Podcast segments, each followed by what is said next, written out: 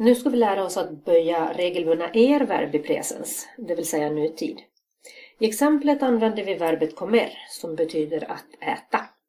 Ändelsen som hör ihop med jag är alltså alltid och, du, es, han, hon, e, vi, emos, ni, eis och dom, en.